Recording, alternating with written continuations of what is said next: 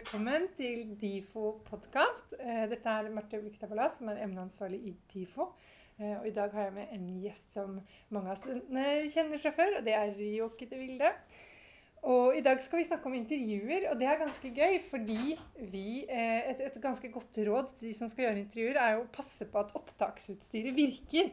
Fordi vi, jeg og Jokke har nemlig møtt hverandre før i dag, da vi trodde vi spilte inn denne podkasten litt tidligere, for noen timer siden. Ehm, da var, vi hadde glemt å trykke på gode, gamle rekk-knappen. Så vi skal prøve igjen.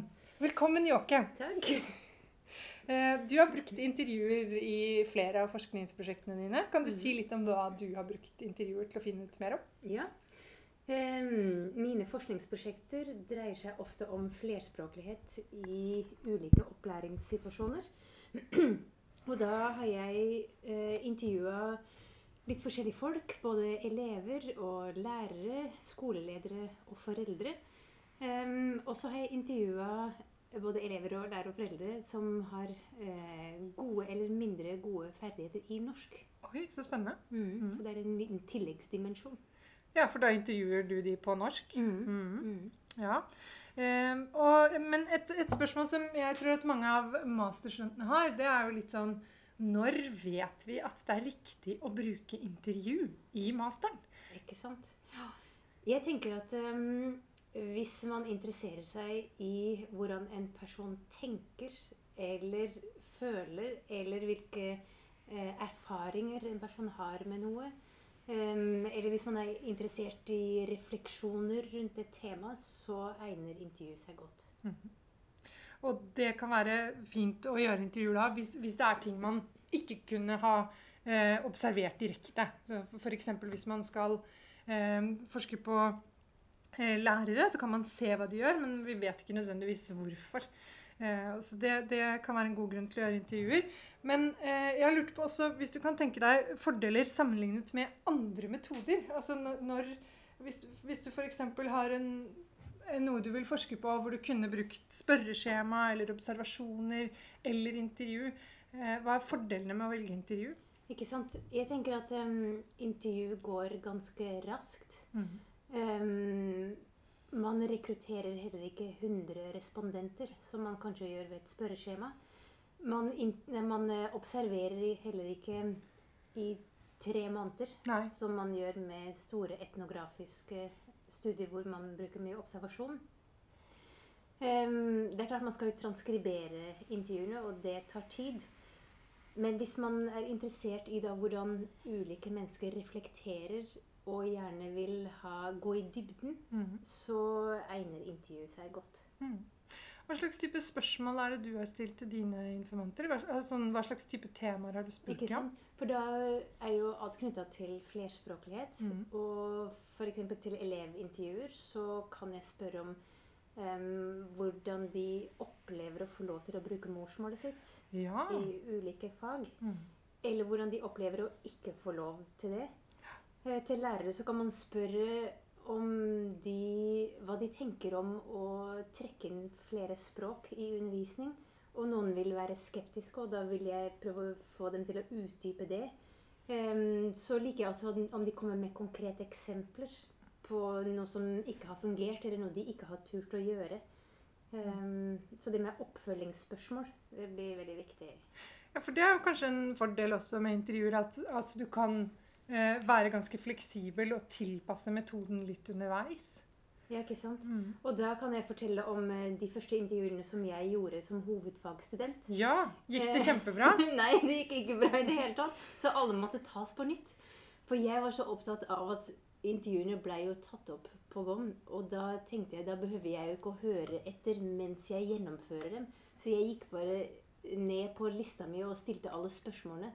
Og når jeg kom tilbake og skulle transkribere, så oppdaga jeg at jeg hadde jo ikke hørt etter. Så jeg hadde ikke et eneste oppfølgingsspørsmål eller oppklaringsspørsmål eller utdypingsspørsmål eller noe. Um, så det var en uh, Men det betyr at det var ganske mange spennende ting der som du skulle ønske at du hadde spurt om? Ja, ja. så jeg intervjua på nytt. Ja. Og hadde oppfølgingsspørsmål. Men eh, det er jo kanskje også litt sånn eh, et konkret godt råd da, å ikke ha altfor mange spørsmål klare på forhånd. Mm. Noen ganger hvis man eh, veileder studenter og de sender sin første intervjuguide, så ser man at de kanskje har 30 spørsmål. Ja.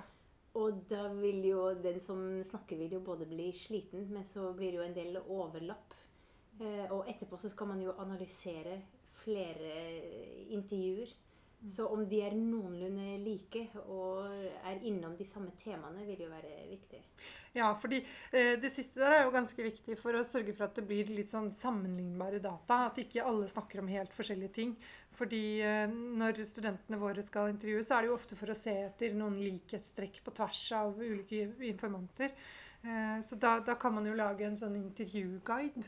Eh, er det Vi pleier jo å anbefale at, at intervjuguide skal piloteres. Kan du si noe om det? Ja, Hva det innebærer, og hvordan man gjør det? Mm.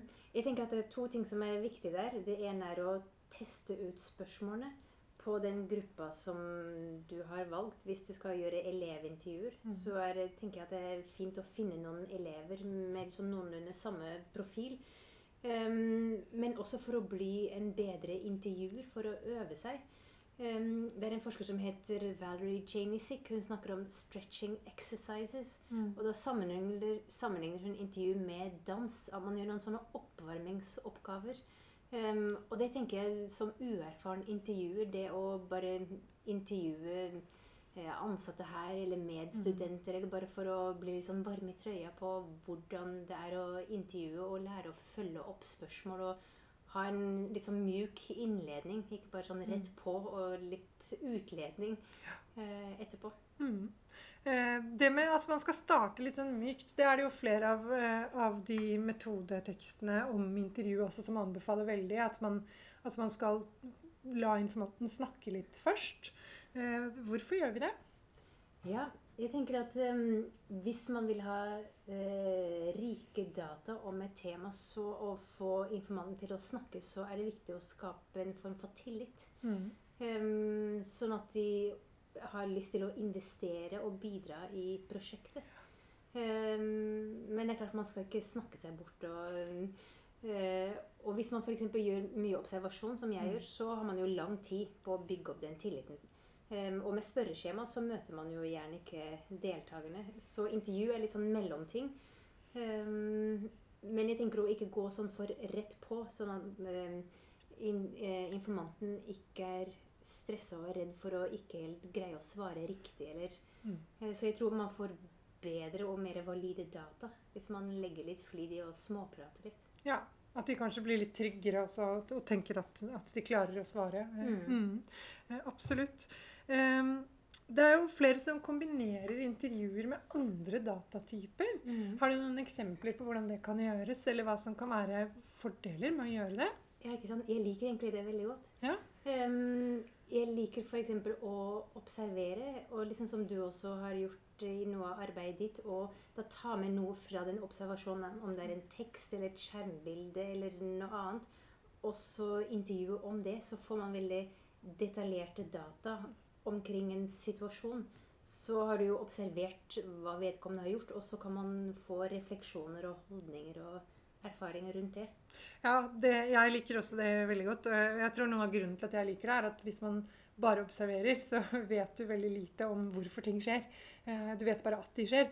Og også litt motsatt. Hvis man bare intervjuer og snakker om hva som er vanlig i klasserommet, så, så vet du ikke nødvendigvis om lærerne gjør akkurat det de sier på den måten de tror selv. Eh, Vi har jo en del forskning på, på noen ting ved det å være lærer som tyder på at lærerne overrapporterer noen ting og underrapporterer noen ting. Eh, helt ubevisst. Altså Mm. De tror at de gjør mer og mindre av bestemte trekk. da. Så kan det jo være veldig fint å kombinere, eh, å kombinere eh, observasjoner med intervjuer. Jeg tenker også Man kan kombinere spørreskjema med intervjuer. Ja. Man har mange respondenter, og kanskje man lager noen ulike profiler. Og så kan man gå i dybden på én eller to av hver, Mm. og så dybdeintervjue. Jeg tenker også en fin kombinasjon. ja, absolutt. Um, jeg har tenkt også på det du sa med å ta med ting inn i intervjusituasjonen. Det kan man jo gjøre både hvis man har fokusgrupper og hvis man har enkeltpersoner. Men eh, noe av det som er veldig fint med det, er at det blir jo mye mer konkret. At man Mm. skjønner hva man snakker om, og kanskje har litt sånn felles referanseramme på hva som skjedde, eller hvor den tingen kommer fra, eller hva det er. Mm. Mm, så så- det, det kan være veldig fint. Eh, du har gjort både sånn fokusgruppeintervjuer og enkeltpersonintervjuer. Kan du si noe om forskjellen? Mm. Em, I et enkeltintervju så er det jo bare to mennesker som samtaler. Um, og på en måte så Jeg liker også veldig godt fokusgruppeintervju, for at det tar vekk litt press fra meg som intervjuer. Så har jeg kanskje bare noen få spørsmål, og så er det gjerne dynamikken i gruppa som bestemmer hvor mye som blir prata. så som intervjuer så skal man jo passe på å ikke ta over samtalen.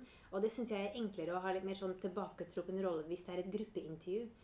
Um, så jeg, hvis jeg kan, så liker jeg egentlig gruppeintervjuer. Men det er klart, jeg har jo også um, intervjua elever um, kanskje som kommer fra krigsherja land, eller Ja. som ikke har så grei skolegang. Og da egner det seg bedre med enkeltintervjuer. Mm. Um, når jeg intervjuer ungdommer, så pleier jeg ofte å spørre om de har lyst til å være aleine eller to eller tre. Eller, og da har de gjerne en formening om det, og det syns jeg også fungerer. Mm. Eh, Så det kan jo være litt sånn trygghetsskapende hvis man tillater flere. Ja, absolutt. Mm. Um, er det noen type spørsmål som egner seg bedre til, uh, til, til gruppe? Altså hvor, det, hvor, hvor man trenger at det er flere? Kanskje? Hmm. Hvis man f.eks. skulle ha gjennomført et uh, fokusgruppeintervju med lærere, Mm. og så har man muntlige ferdigheter, og man kaster bare ut Ja. Hva tenker dere om muntlige ferdigheter? Mm. så vil jo forhåpentligvis personer ha litt ulike meninger og ulike erfaringer. Mm. Og da tenker jeg det kan gi veldig også raske og rike data. For da er de rett og slett fler. Det er klart um, man tenker, De kan jo ha sin egen mening, men ofte så blir de på en eller annen måte litt sånn enige. Mm. Eh, Så det må man jo ta høyde for. At det blir en slags enighet i intervjuet. Ja. Men eh, akkurat sånne type intervjuer tror jeg kan være veldig morsomme også. Altså at man tar en gruppe med lærere og gir de et eller annet de skal kommentere eller vurdere sammen eller, eller diskutere. Eh, så, så, og det, det, det er riktig som du sier, at det gir jo ofte ganske sånn rike data. Um, er det jeg, jeg tror noen ganger at, at kanskje noen av studentene tenker at, det er, at intervjuet er den letteste metoden. Altså det er, det er på en måte lettere å dra og intervjue noen enn å f.eks. utvikle et spørreskjema og teste det og sånn. Eh, Syns du selv det er vanskelig å gjøre gode intervjuer? Jeg syns det er kjempevanskelig. Du gjør det? ja, For Jåke har veldig gode intervjudata. Jeg har lest noen transkripsjoner hvor Jåke har stilt intervjuer. Så du er jo en av de intervjuerne jeg virkelig beundrer for å være god på intervju. Men du syns det er vanskelig? ja. Men mm, jeg tror at, eh, man, at det lønner seg, at det hjelper å senke skuldrene litt. Og så liker jeg jo å ha kontakt med deltakerne over tid. Så jeg tenker at ok, jeg prøver ut et intervju her nå, og så kan jeg transkribere og tenke litt mer, og kanskje intervjue noen flere. Og så pleier jeg alltid å spørre er det greit å ta kontakt igjen med deg hvis jeg har flere spørsmål. Um, så å kunne ha den fleksibiliteten, det liker jeg. Uh, og så er det noe med å ikke ha sånn kjempemange spørsmål. Det, man lurer jo gjerne på mye da. Mhm. Men heller ha noen hovedtemaer som man helt klart vil få belyst. Og så få eh, de man intervjuer til å snakke mest. Ja. Og være litt sånn tilbakeholden. Og kanskje ikke helt ikke? Jeg er jo veldig positiv til flerspråklighet, så hva gjør jeg hvis jeg intervjuer en lærer som ikke er det? Mm. Um, så må man jo avveie litt. Jeg må jo være ærlig. Så jeg kan jo ikke bare jatte med heller, men være litt mer sånn undrende. Og man skal jo prøve å forstå eh, fra den man intervjuer, sitt ståsted. Mm. Eh, Så det tenker jeg er, en, er viktig å ha i bakhodet. At man, at man gjennomfører et intervju for å prøve å forstå den andre.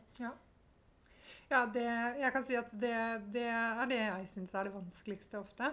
eh, å ikke bli med i samtalen. Mm. Eh, fordi at når jeg intervjuer elever, så er det ofte om temaer jeg syns er veldig spennende. Eh, jeg intervjuet noen elever for noen uker siden om, om kritisk lesing. Og da hadde vi lest falske nyheter, og eh, jeg ville vite noe om holdningene deres til at disse nyhetene var fabrikkerte. Så vi leste en sak og diskuterte den, og så etter en stund så sa jeg at dette er faktisk ikke sant. Det har stått i avisa, men det er ikke riktig. Hva tenker dere om det? Og de elevene kunne ikke brydd seg mindre. De var helt sånn ja, men det er vel greit, det. Og jeg syns ikke det er greit. Jeg syns det er kjempeproblematisk. Men da måtte jeg på en måte trekke meg veldig tilbake og sånn Ja, hvorfor eh, Men hvorfor er det greit? Eller tror du alle syns det er greit? Eh, og til slutt så måtte jeg til og med si at det er jo en del mennesker som er mye eldre enn dere, som syns at dette er veldig, veldig problematisk. Mm. Eh, hva tror dere det handler om? Ja, og de skjønte nok at jeg var en av de eldre menneskene som syns det. Men, men eh, det er jo en veldig annen form for samtale. For man må ha en veldig sånn klar plan for egen rolle, som Mm, man kanskje mm. vanligvis ikke har. Mm. Mm. Og så tenker jeg også I et metodekapittel så er det viktig å skrive om den rolla. Mm. Og når man har transkribert, så kanskje man oppdager at man har vært mer aktiv. Og så må man reflektere omkring det og så si noe om hvordan tror man at det har påvirka dataene. Ja. Eh, og de er ikke noe mindre gyldige, de er bare blitt annerledes. Ja, og så har du spilt en annen rolle i å skape de Ja, ikke sant? Ja. Eh, hvis, hvis jeg tenker meg at, eh, at jeg piloterer et intervju, og så eh, går det helt OK, og så transkriberer jeg det, og så eh, skal jeg se på det for å se om intervjuet var bra eh, eller ikke. Eh, hva tenker du kan, kan være bra ting? Eh, eller på en måte tegn på at det var et godt intervju? Noen kjennetegn Ja, som man kan se i en transkripsjon? Hvis um, Jeg liker alltid å se etter om Hvis man f.eks. intervjuer en lærer, om læreren har kommet med noen eksempler. Noen anekdoter eller noen erfaringer som er utdypa. Så at det blir mer sånn dybde i intervjuet. Mm. Og ikke bare en beskrivelse 'jeg pleier å gjøre sånn og sånn', og, for det syns jeg er viktig òg, men helt sånn konkret. Eh, og da kan man jo se se på sin egen rolle. Har man stilt oppfølgingsspørsmål hvis de ikke har kommet? Um, det er klart at Hvis man transkriberer og man ser at eh, man har snakka mest sjøl, så er jo det også et Det er et dårlig tegn. Det er et dårlig tegn. Ja. Um, man kan jo bli litt stressa hvis det er mye sånne pauser, men det behøver jo ikke å være noe negativt tegn. Og så er jo noen, noen er jo utrolig snakkesalige. At jeg sitter og tenker at eh, jeg skal jo transkribere det her. Være Du litt tenker det mens mens de snakker? konkret. Mm. Mens andre er litt mer ordknappe, men har likevel fine og dype refleksjoner. Mm. Um, Ja, jeg, det, og det er akkurat det med hvem som snakker mest. Der tror jeg jo at man må pilotere og se på hvilken rolle man selv tar. Fordi eh, en ting er å, å ta over hele intervjuet og snakke mest, og en annen ting er jo å styre mye hardere enn man kanskje hadde tenkt. Altså at Mm. man stiller veldig mange ledende spørsmål og kanskje blir litt sånn overbegeistra hvis det kommer responser du vil ha. At man blir litt sånn Ja, ja, ikke sant? Mm. Ja men, ja, men det tenker jeg òg. Eller sånn Ja, bra! Og komme med evalueringer underveis. For det, eh, i sånne intervjuer hvor man vil prøve å få tak i holdninger og, og litt sånn underliggende temaer, så er det jo lurt å ha en litt mer tilbaketrukket rolle.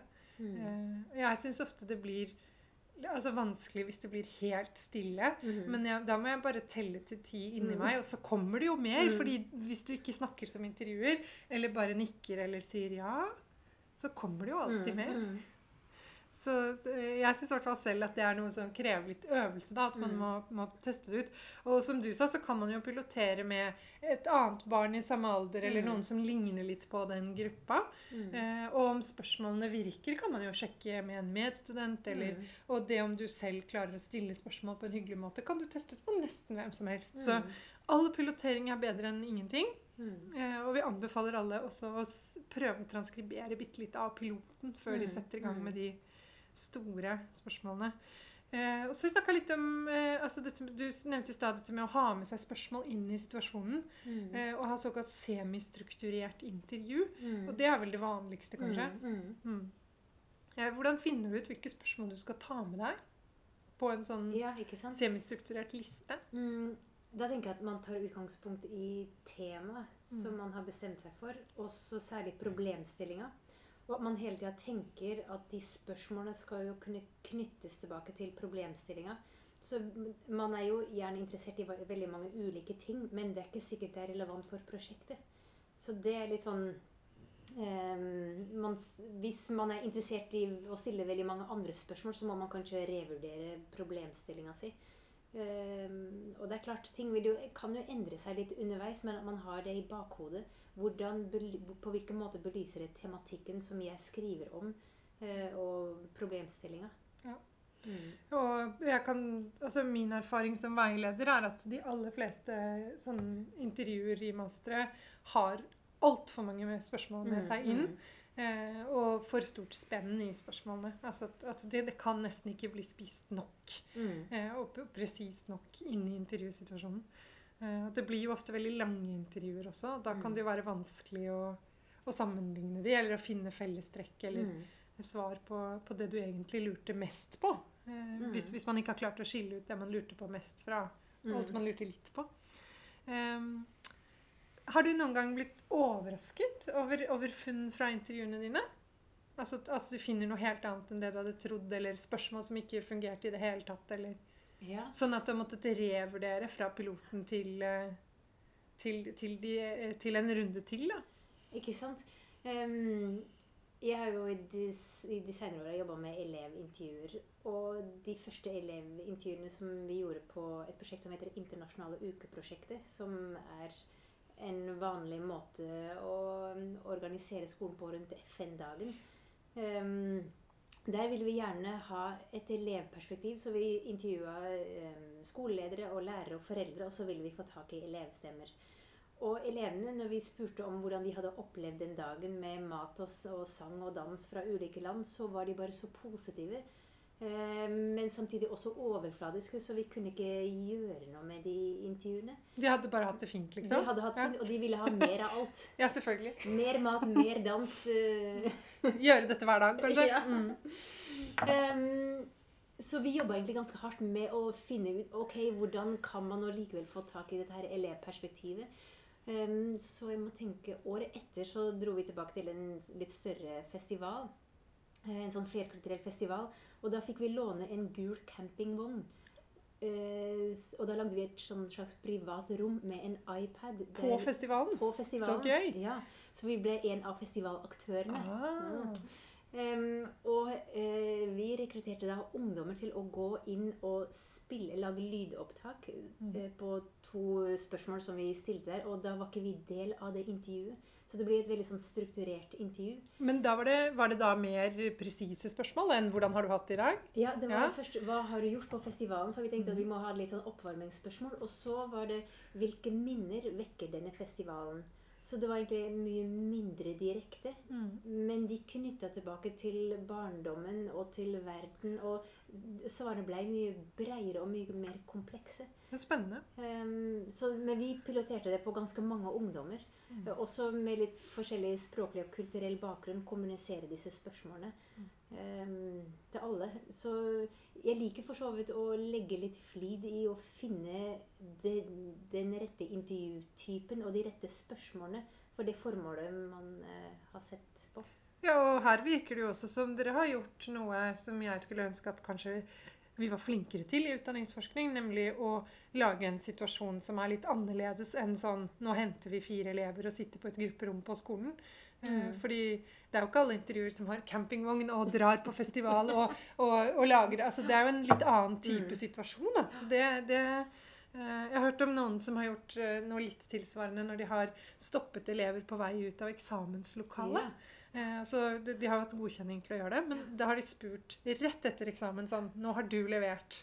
Eh, hvordan gikk det? Hvilken oppgave valgte du? Og, og snakket med de sånn rett etterpå. Det gir jo også helt unike data. Ja. Um, så jeg, tror jo at, at det kan være lurt at, at studentene også tenker over uh, hvordan skal dette intervjuet skje. Må det være på et grupperom? Og, eller er det best? Kanskje det Mm. ikke er best? Mm. Ja, da eh, Jeg kan bare spørre sånn helt til slutt sånn Når er det man absolutt ikke skal bruke intervju? Når kan du tenke deg at, at det, det passer ikke? Nei, ikke sant? Jeg som driver med mye observasjon, hvis jeg ser intervjustudier som er der hvor man egentlig spør 'hva gjør du', Ja. Da tenker jeg, da kunne du like gjerne ha observert. Mm. Um, men også overfladiske intervjuer av få deltakere. Det er litt bortkasta. Da kunne man enten ha tatt spørreskjema og spurt mange, eller ha gått mye mer i dybden. Mm. Um, Ja, det siste er jeg ekstremt enig i. Fordi eh, det fins jo såkalt eh, strukturert utspørring. Eh, altså litt sånn som man gjør når det er valgdag eller testpanel, hvor man på en måte bare løper rundt med et sånt avkrysningsskjema Mm. egentlig, og krysser av og spør mange. Eh, og da hadde man jo ikke trengt lydopptak, f.eks. Hvis du bare skal krysse av ja eller nei eller Mm. noen ganger. Eller, eh, så, så sånne intervjuer som egentlig er så overfladiske at mange respondenter med et digitalt nettskjema Mm. hadde vært bedre, eh, syns jeg var ganske problematisk. Eh, for den hovedfordelen er jo kanskje den fleksibiliteten og muligheten til å gå i dybden og respondere på det eh, informanten faktisk sier. mm, Og da må man jo gjøre det. mm. Um, og så vet jeg at vi begge to, når vi sensurerer masteroppgaver Vi har jo til og med sensurert noen oppgaver sammen. Så mener vi eh, ganske mye om hvordan man skal gjengi intervjuene sine. Kan du Mm. si litt om det? Ja. Hva er det vi ønsker oss der? Vi ønsker både spørsmålet og svaret. Og så Ja. liker jeg egentlig godt som del av en liten dialog. Mm. Eh, Sånn at man ikke bare ser eh, bare um, ut i sånne Bruddstykker. bruddstykker uten sammenheng. Mm. Så jeg liker også veldig godt at leseren blir forberedt. At man skriver seg inn og forbereder. Nå kommer dette utdraget. Og så til og med skriver seg ut. Dette er interessant. Dette ser vi. Sånn at man ikke overlater til leseren både å tenke hva betyr nå det her, og, og hva var egentlig dette eh, svar på. Mm. Um, Og det, grunnen til at vi sier det nå, allerede dette semesteret, er at det er noe dere må være klar over når dere planlegger intervjuene. mm. At eh, vi vil gjerne vurdere også hva slags spørsmål som ble stilt. Fordi det har ganske mye å si for troverdigheten til hele prosjektet. Om, eh, om, om de tolkningene som gjøres, henger sammen med de spørsmålene som har blitt stilt.